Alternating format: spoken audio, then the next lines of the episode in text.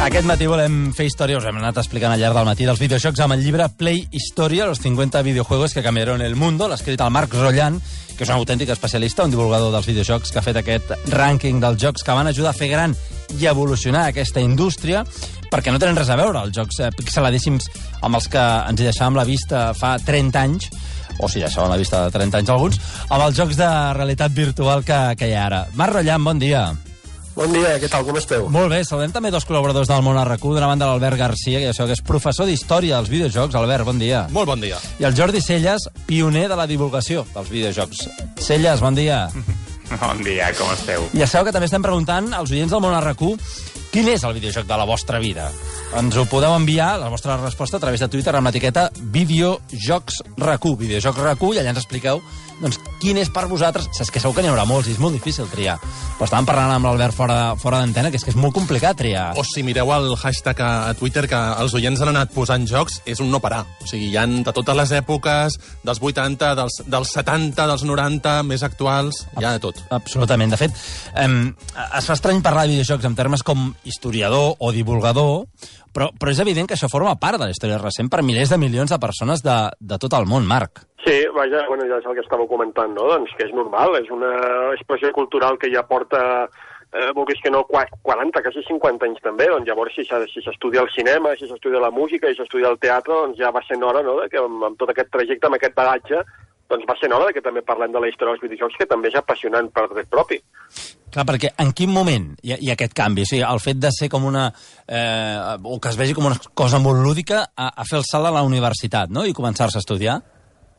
Sí, és difícil dir un, un moment exacte, no? sobretot perquè també depèn molt del país. No, no és el mateix l'evolució al Japó que l'evolució als Estats Units, a Europa, però jo crec que potser el moment clar seria els 90, mitjans dels 90, no? quan ja la cosa ja es va començar a demostrar que era un negoci de futur, un negoci amb grans expectatives i que hi començaven a sorgir pues, catedràtics, estudiosos i gent amb, amb, amb moltes coses que dir al respecte.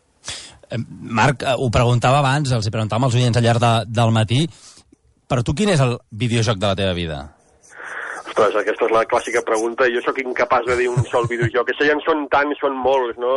M'és molt difícil, perquè hi ha alguns que tinc associats a records d'infància, hi ha altres que he disfrutat amb amics, hi ha moments claus de la meva vida m'és impossible només quedar-me amb un de sol, de veritat, no, no, no preciso escollir perquè les passaria magre. És que és molt difícil, ara ho parlàvem amb l'Albert, ell sí que me n'ha dit un, que en, en tens un que dius que sí que et va marcar. De fet, et diria el meu, i, i intentaria dir-te el del Marc, perquè jo el Marc el segueixo de fa molts anys, el Marc és un divulgador del món del videojoc molt conegut a l'estat espanyol, i també a Llatinoamèrica, no? Mm. I uh, et, et diria fins i tot el del Marc, a veure si l'endevinaria. Però us dic el meu... Possiblement. Eh, jo us dic el meu de moment, que seria el, el Zelda Ocarina of Time. És un joc de la saga de jocs de Nintendo, de Zelda, i a mi em va marcar molt. O sigui, sempre penso en Street Fighter 2, però potser al final, si m'haig de quedar amb un, amb el Zelda. I, i ara que et deia això de, del Marc, si, Marc, si m'ho permets, coneixent-te de fa molts anys, un joc com el, com el Shenmue, per exemple... Ah, efectivament. A veure, a veure, a veure, a veure. quin és aquest? senyor. Aquest és un joc que va publicar Sega Sí? a finals dels 90 i va ser una grandíssima produc producció, va, va costar molts milions i reproduïa amb molt de detall un barri japonès, amb molt de realisme. I ha tingut molta influència. El Marc segur que ens podria fer una tesi doctoral sobre el joc. I tant. Com, com, es diu aquest, perdona, Albert? Sh Shenmue. Shenmue. Em, I Jordi Celles, tu què? Eh, pots triar? Sí, sí, sí, És, és, clarament, És un, clarament. És, és un, un personatge que és de color blau o no? O vaig errat? Exactament, Ah, sí, sí, sí, sí, sí. O sigui, el, el, meu, el meu videojoc, clarament, a més, eh, és Sonic, Sonic de Hedgehog, perquè perquè Sonic va significar... Tu imagina't el que era a principis de, dels anys 90, mm. poder tenir a casa de debò allò que nosaltres només veiem a les sales recreatives, o sigui, uns videojocs amb una qualitat d'imatge, amb una velocitat, no? amb una, eh, diguem-ne, explosió de color que no havíem vist mai abans, tot i que havíem jugat a jocs meravellosos durant els anys eh, 80, no? Però, eh, d'alguna manera, el que marca aquesta gran diferència, per mi, uh, és, uh, és Sonic. Uh, no només això, sinó que recordo haver-lo vist abans, baixaves aquí a les Rambles Sí. i compraves revistes d'aquestes perquè, clar, no teníem internet, lògicament no podíem veure quins jocs arribaven, no teníem el vídeo de YouTube per fer el teaser trailer, aleshores compràvem revistes angleses i, i, i nord-americanes i veiem no, el, el, el, el, aquest erissó de color blau, aquests gràfics espectaculars i no podíem esperar el moment en el qual arribés aquí la Mega Drive no, amb aquest Sí. videojoc. Fantàstic. Mira, mira, mira, a veure, puja, puja, Nieto. A veure. Oh, oh. I a més, tota aquesta banda sonora, que també ho, ho parlàvem abans amb el, amb el Guille, també amb el Guille Milkowit, de, de com està eh, enganxada a, a, la, a la memòria perquè no és només el, el que veus, sinó també el que sents de les hores que t'has passat i tens aquests sorollets en algun lloc desats del teu cervell que apareixen i dius, ostres, mira, això és el Sonic. La música de videojocs té molt mèrit, especialment dels jocs clàssics, perquè eren músiques eh, que eren curtetes, es repetien mm -hmm. moltes vegades, era una música que s'anava repetint en el cap del jugador una, una vegada i una I altra tant. i una altra i una altra, però aconseguien no algunes, eh, les millors, no fer-se passades, que era, que era el més important. Mira, anem avançant i vaja, hem d'anar a començar per l'origen, perquè clar, Marc, quin és el primer videojoc de, de la història? Perquè em sembla que tampoc hi ha molt consens sobre quin és el primer. Clar, és que és, és molt complicat perquè, clar, per definir quin és el primer videojoc de la història, primer tens que entendre que és un videojoc, has de definir que és un videojoc, i la definició no és gens fàcil, ens imaginem pues, això, no? la imatge clàssica de la videoconsola amb els mandos i la televisió, però és que depèn de com el defineixis. Llavors, eh, és molt complicat definir què entenem per videojoc, realment és molt complicat, però si fem una definició estricta, doncs, per exemple, el que diu la RAE, no? doncs el primer videojoc sempre s'ha considerat, de fet és el primer capítol del llibre, és el Space War, que data dels anys 60, i que va ser un projecte universitari fet doncs, per una colla de, perdoneu-me l'expressió, per un punyat de friquis de la informàtica que volien demostrar doncs, de què era capaç el seu ordinador. No? Quin ha dit? Com has dit que era, Marc? A l'Space War. Space Space War. Em, però clar, n'hi ha més, suposo, no? És a dir, el fet que no, no hi hagi aquest consens eh, implica, suposo, que devia haver-hi altres competidors, com per dir, escolta, que el primer videojoc sóc jo, no? Sí, de fet, eh, durant molts anys es va, va haver-hi com una pugna entre dos eh, personatges molt importants de la indústria, que eren el Ralph Baer i en Nolan Bushnell, que durant anys i anys, i encara avui en dia es discuteix, eh, es van barallar per autodenominar-se a si mateixos com el pare del videojoc. Va haver-hi, bueno, durant els, els anys 70 van estar enfrontats en una batalla dialèctica i no van arribar a les mans per poc, perquè volien definir-se com el pare del videojoc. Però clar, és el que et dic, és molt complicat eh, definir exactament quin és el primer videojoc i definir qui és el pare del videojoc com a tal. Clar. Hem sentit la, la música del Sonic, que això té, més, té pràcticament 30 anys el Sonic, i, i ja era espectacular, però clar, si ens remuntem a l'inici, això que esteu sentint, clar, els que diguéssim que sou més joves direu, què, què és això, no? Però clar, així és com sonaven, no?, a l'inici aquests videojocs.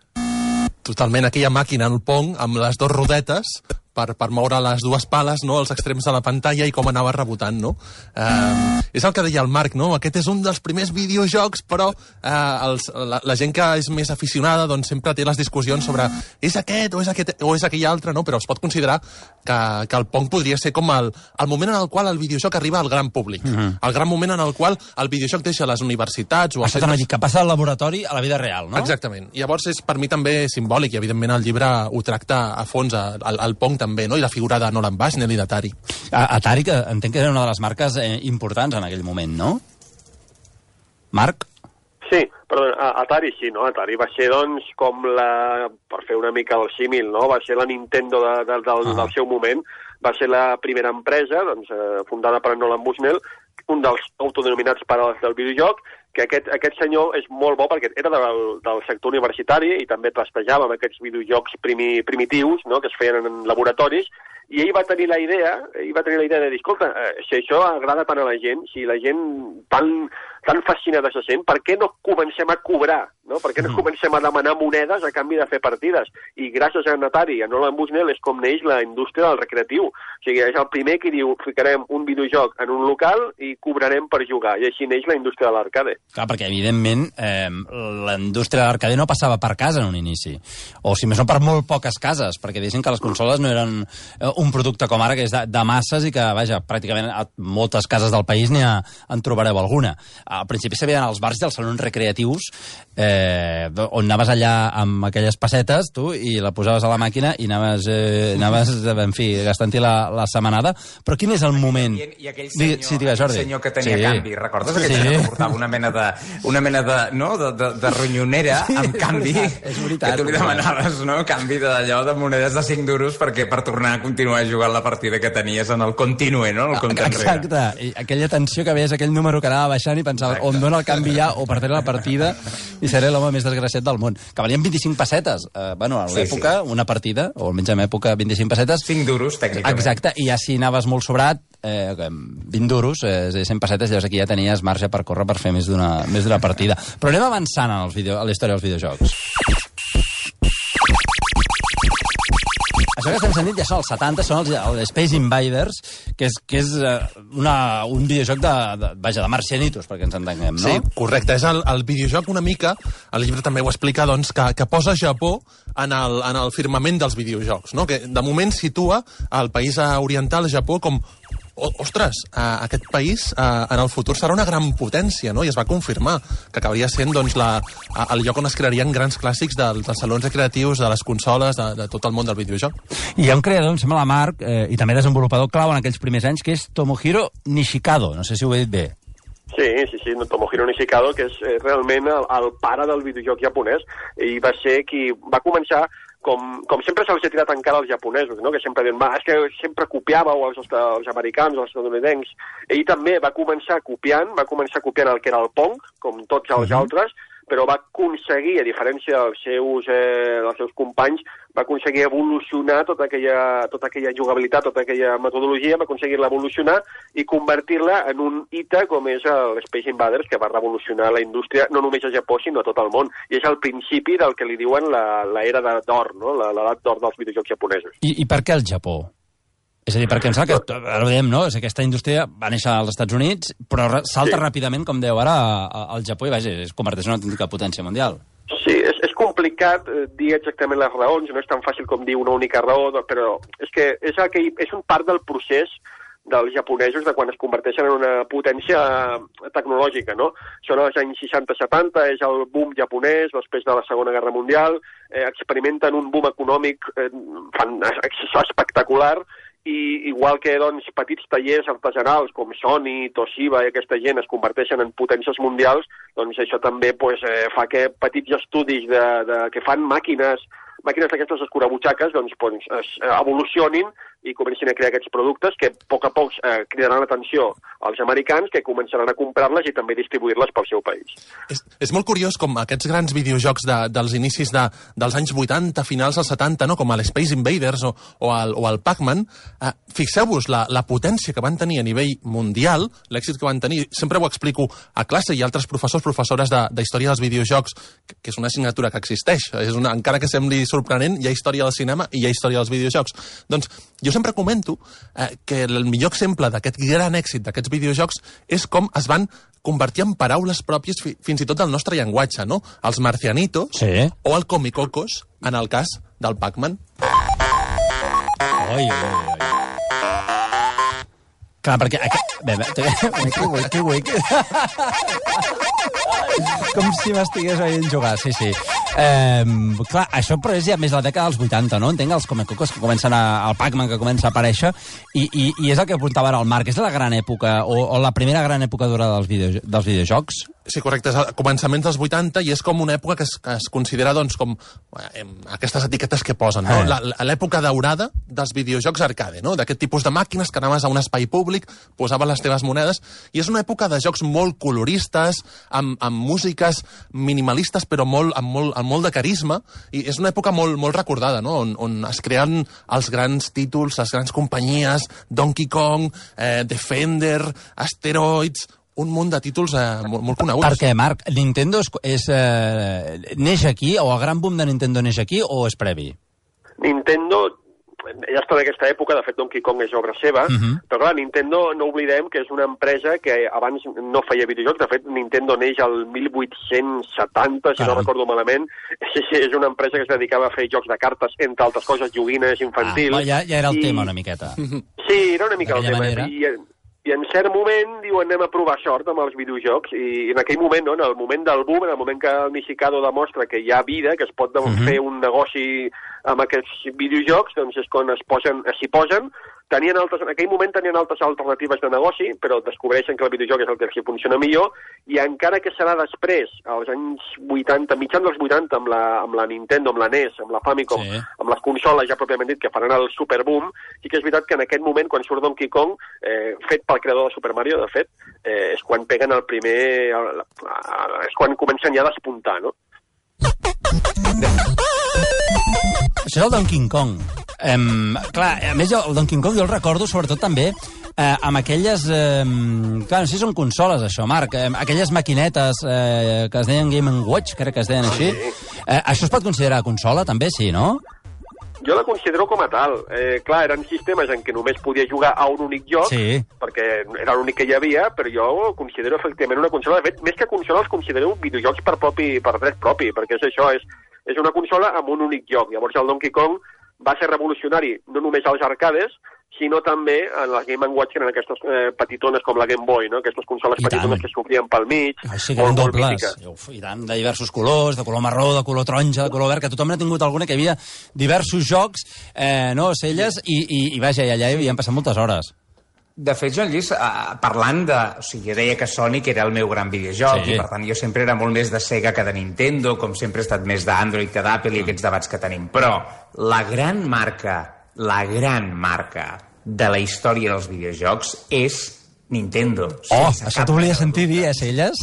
Sí, però, però és així, o sigui, i, i, i és així sense cap mena de dubte, perquè quan ara estem parlant dels anys 80, però és que en parlarem als 90, en parles als 2000, n'estàs parlant avui, és una marca que no només sempre ha, ha, ha estat innovadora, sinó que, a més a més, ha trencat les normes. O sigui, és la marca que ha creat unes normes pròpies que li han permès això. O sigui, que dius, hòstia, és que els 80 eren els grans anys de Nintendo, però és que els 90 van ser brutal. I els 2000 amb la Wii és que van rebentar-ho tot. I llavors, quan sembla que ja no, surt la Nintendo Switch i continua seguint aquest camí, no? A, a més a més, amb una sèrie de personatges i uns jocs que no seria un catàleg, diguem-ne, molt ampli, no? Ni molt variat pel que fa tant a personatges com a, com a títols no? de, de joc, però en canvi és una marca que ha sabut entendre que en el fons es tracta de dinàmiques entre un usuari, una pantalla, una interacció, no? Han sabut entendre què és el videojoc des des de l'ànima, no? I és molt I, interessant. I el concepte d'entreteniment, no?, pur i dur, i, i sempre amb la figura aquesta omnipresent del Mario, que és, que és la La gran mascota. marca de la casa i la mascota de, de Nintendo, que encara avui el, els nens d'avui en dia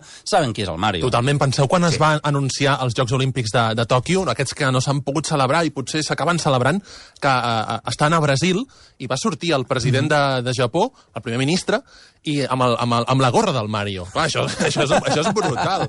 Per cert, el que ha dit el Jordi ara ho hem de guardar perquè ell és un reconegut fan de Sega Per això, i per està això, defensant per això, a sí, Nintendo sí, sí, i ens sí. de guardar aquest fragment, eh? Però, però és una perspectiva de, dels... O sigui, la guerra dels 90, no? Eh. Que, que a més a més en Marc en parla en el, en el llibre, li dedica el catàleg quan, quan, quan està parlant de, de Sonic, precisament parla molt, no?, de la console wars, no?, aquesta guerra de les consoles de la Super Nintendo contra la Mega Drive, no?, una lluita que hi havia al pati de l'escola, diguem-ne, tant. que estaven un costat els I que tant. tenien Nintendo, Super Nintendo i a l'altre costat els que tenien Mega Drive, no? Aleshores, aquesta guerra dels 80 deixa de tenir sentit a partir del moment en què apareixen per primera vegada Sonic i Mario junts en un videojoc, no? Aleshores, hi ha moltes coses que es trenquen quan Sega deixa de fabricar les seves consoles per múltiples històries. Continuaré estimant sempre Sega fins que va deixar de fer les consoles, i, però és que és lògic, o sigui, és lògic pensar, i ara... I, no, la reflexió era quan parlàveu de les Game Watch, no? De, Sí. ostres, quina visió, quina capacitat d'entendre què és un videojoc, què és un joc, què és el que busca no? la- la- l'usuari, i a més a més fer-ho d'una manera eh, que barreja l'art i la tecnologia, perquè sense l'art que hi ha darrere, sense la creativitat immensa que hi ha darrere de, de, tota, la, de tota la sèrie eh, de videojocs sí. de, de Nintendo, ara parlant de Nintendo, però tots els altres, és impossible entendre el seu impacte social, o sigui, és impossible entendre com els videojocs han canviat el món, han canviat la cultura, de fet, dels darrers anys, han canviat el cinema, saps? Han canviat moltes de les coses que... que fins i tot la literatura, eh? Si no, mira Ready Player One, no? O sigui, han canviat moltes coses eh, que nosaltres avui no podríem entendre sense aquests videojocs. I, I ara parlàvem del Mario, que és una figura omnipresent, que jo crec que, vaja, molts dels oients eh, el tenen present i saben qui és, i també hem de parlar d'un altre joc que en el seu moment també, vaja, qui no ha jugat mai a aquest joc?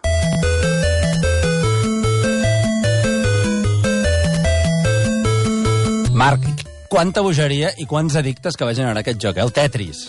Va, Vaja, el Tetris és un dels primers videojocs que fan, eh, estu del, dels que fan estudis de psiquiatria, no? Veus allà estudis, universitats i doctors eh, especialitzats en el funcionament del cervell, estudiant el funcionament del, del, del cos humà empleant el Tetris, no? Ja, ja quan estava a Rússia, és un joc que neix a Rússia, Sí. ja hi ha doctors allí, al, al bloc comunista de l'època, Mhm. imagina, en plena, en plena Unió Soviètica, ja hi ha doctors que amb el joc que ha acabat de sortir ja es demostren interessats en, en, en la capacitat que tenia aquest videojoc de- d'atraure la gent i de, bueno, de, de- d'abstrair-los, no? de, de, de, de tenir-los allà jugant durant hores i, i comprovar com, com evolucionava el, el cervell humà en aquesta, en aquesta, en aquesta línia. El Tetris, Marc, que també va lligat a un altre nom que en parlàvem d'una manera més tangencial amb els Game Watch de Nintendo, que és la Game Boy, que potser podria dir que és la perfecció o el perfeccionament d'aquestes Game Watch, no? que ja pots jugar a més jocs i pots emportar-te els jocs on tu vulguis i anar-los intercanviant. Sí, la- l'Alexei Paginov, que és el creador del Tetris, eh, va dir una vegada que per ell la Game Boy era el, el, l'estri perfecte per jugar a la Game Boy, a, a, al Tetris, perdona, que es complementaven a la perfecció. I és veritat, no? El Tetris portava molts anys ja en, en, en, a la venda, en funcionament, abans de que aparegués la Game Boy, que va ser l'any 89, si no recordo malament, però va ser, el, va ser el llançament de Game Boy que va revolucionar el, el, el fenomen Tetris, que és que encara avui en dia es juga. Avui encara en dia Sí, juga, sí, la meva sí. mare a vegades hi juga i tot, la meva mare, que de videojocs ja em diràs tu, no? Doncs també, també a vegades també hi juga els meus, els meus familiars. Hi ha molta gent que encara avui en dia juga a Tetris i genera molts, molts diners. I amb el que dèiem d'aquesta banda sonora absolutament mítica, amb aquests tons soviètics sí. que, ens, que ens el recorden i, i que, vaja, que ha passat a la història, absolutament. I la versió de Game Boy és el, el tema específic que més la gent recorda de la música, que es basa també, com deies, en, en, en una cançó tradicional de, de la cultura russa. Mhm. I els, els videojocs han anat evolucionant, van arribar a la dècada dels 90, eh, és quan apareix, per exemple, el Sonic, al qual feia referència al Celles, el Mortal Kombat, per exemple, o el FIFA, que, que és, de fet, una de les franquícies que més diners ha fet, sense cap mena de dubte, els últims, els últims eh, 20 anys en el món dels videojocs.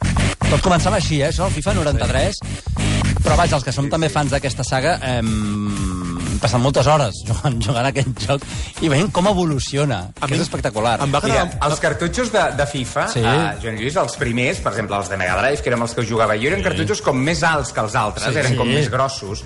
Tenien una mena de pestanya al costat de color groc, que era Groc. com una mena de Sí. cartutx especial de Sí. Electronic Arts. Sí. I, I, de fet, en, aleshores ja, ja incluïen, quan, quan posaves el cartutx, el que sortia era una imatge d'un futbolín, eh, amb el so típic Mm. del futbolín, i deia la mítica frase de EA Sports, it's in the game. Saps? senyor. Aquella mítica frase que vam sentir durant tants anys, no? Això comença al 93.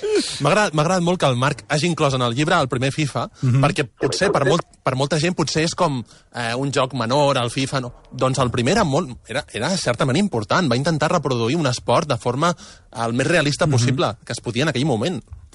Que venien de l'Emilio Butragueño Futbol, eh? Perdó, eh? O sigui, és que clar, és, És que veritat, veure veritat. el FIFA era una cosa molt èpica, o eh? el Mundial 90, eh, que, que era com vist des de dalt. Eh, un pres- el kick-off, tots aquests, i després el FIFA, que clar... Sensible Soccer, no, que n'hi havia Sensible molts, eh? Clar, però que vam veure allò, però FIFA va vam ser molt, flipar, molt ens va canviar la vida a alguns. En fi, escolta, Marc, deixa'm preguntar-te ara com veus el futur eh, dels videojocs. Eh, ara que hem fet aquest repàs, cap on, hem, cap, cap on anirem? És una molt bona pregunta i, i també molt difícil de respondre. Jo estic convençut de que els videojocs estan aquí per quedar-se. Sí. És veritat que en el passat van haver-hi moments en el que es va dubtar de la viabilitat i el futur dels videojocs, perquè van haver-hi pues, eh, alguns eh, aconteixements que van passar factura a la indústria, però els videojocs estan aquí, és una forma cultural, un, una indústria mm, perfectament assentada que té unes perspectives de futur increïble i a més eh, és que hi ha per tothom, no? Des del moment en què hi ha un videojoc per tothom, no importa el, el gènere, l'edat, la procedència, no importa, tothom té el seu videojoc, s'expliquen històries, hi ha jocs d'acció, de realitat virtual, d'esports, tothom pot tenir la seva... el que busca en un món virtual ho pot trobar en el videojoc i llavors, eh, no sé, jo no sé quin serà el futur, no sóc un futuròleg en aquest sentit, però sí que sé que va a més, si avui en dia ja es considera que és la indústria de l'oci més gran del món, encara anirà més, i vaja, que les perspectives de futur són molt, molt, molt bones i positives. I que tothom té un videojoc que demostra el fet, la crida que hem fet a, a Twitter, que, vaja, hem rebut moltíssims missatges a Videojocs RAC1, eh, i si fem el que podríem anomenar com una mena d'enquesta peu d'urna, eh, els tres jocs més votats que encapçalarien el rànquing, mira, n'hem parlat pràcticament dels tres. El primer és aquest. El Tetris, que ha jugat absolutament tothom. Després, el que deia l'Albert, la saga de Zelda. Que aquí tens camp per córrer perquè són anys i anys de videojocs. I també un clàssic de fa molts anys, el Monkey Island Home, que també és molt important i va portar moltíssim al món dels videojocs, però vaja, el Doom, l'Street Fighter 2, que això, vaja, havien passat moltes hores al son recre... el Yuken, el Pracket Poruket, el Tomb Raider, el Prince of Persia, Gran Turismo, el Metal Gear, en fi, són moltíssims els videojocs, l'Age of Empires, el Commandos, PC Football, PC Football, quantes hores, i crec que havia passat amb els meus amics jugant a PC Football. Però, en fi, i a més cap aquí el Call of Duty, el Red Dead Redemption o l'Snake, que són els grans, que en aquest cas el de la Snake, de, dels telèfons mòbils. En fi, eh, ha estat mitja hora de, de disfrutar-ho molt pels que ens agraden els videojocs, Albert Garcia, Marc Rollan i Jordi Celles. Eh, moltíssimes gràcies per haver-nos acompanyat a, aquest matí a la sintonia de RAC1. gràcies a Adéu, gràcies. Fem una petita pausa i rematem el programa amb el Bartolí, que el tenim per aquí. Ell és de videojocs. Jo era de Nintendo 64. Ah, doncs mira, em pensava que em sí, diries que no. no tant de Play, però Nintendo algo dominava.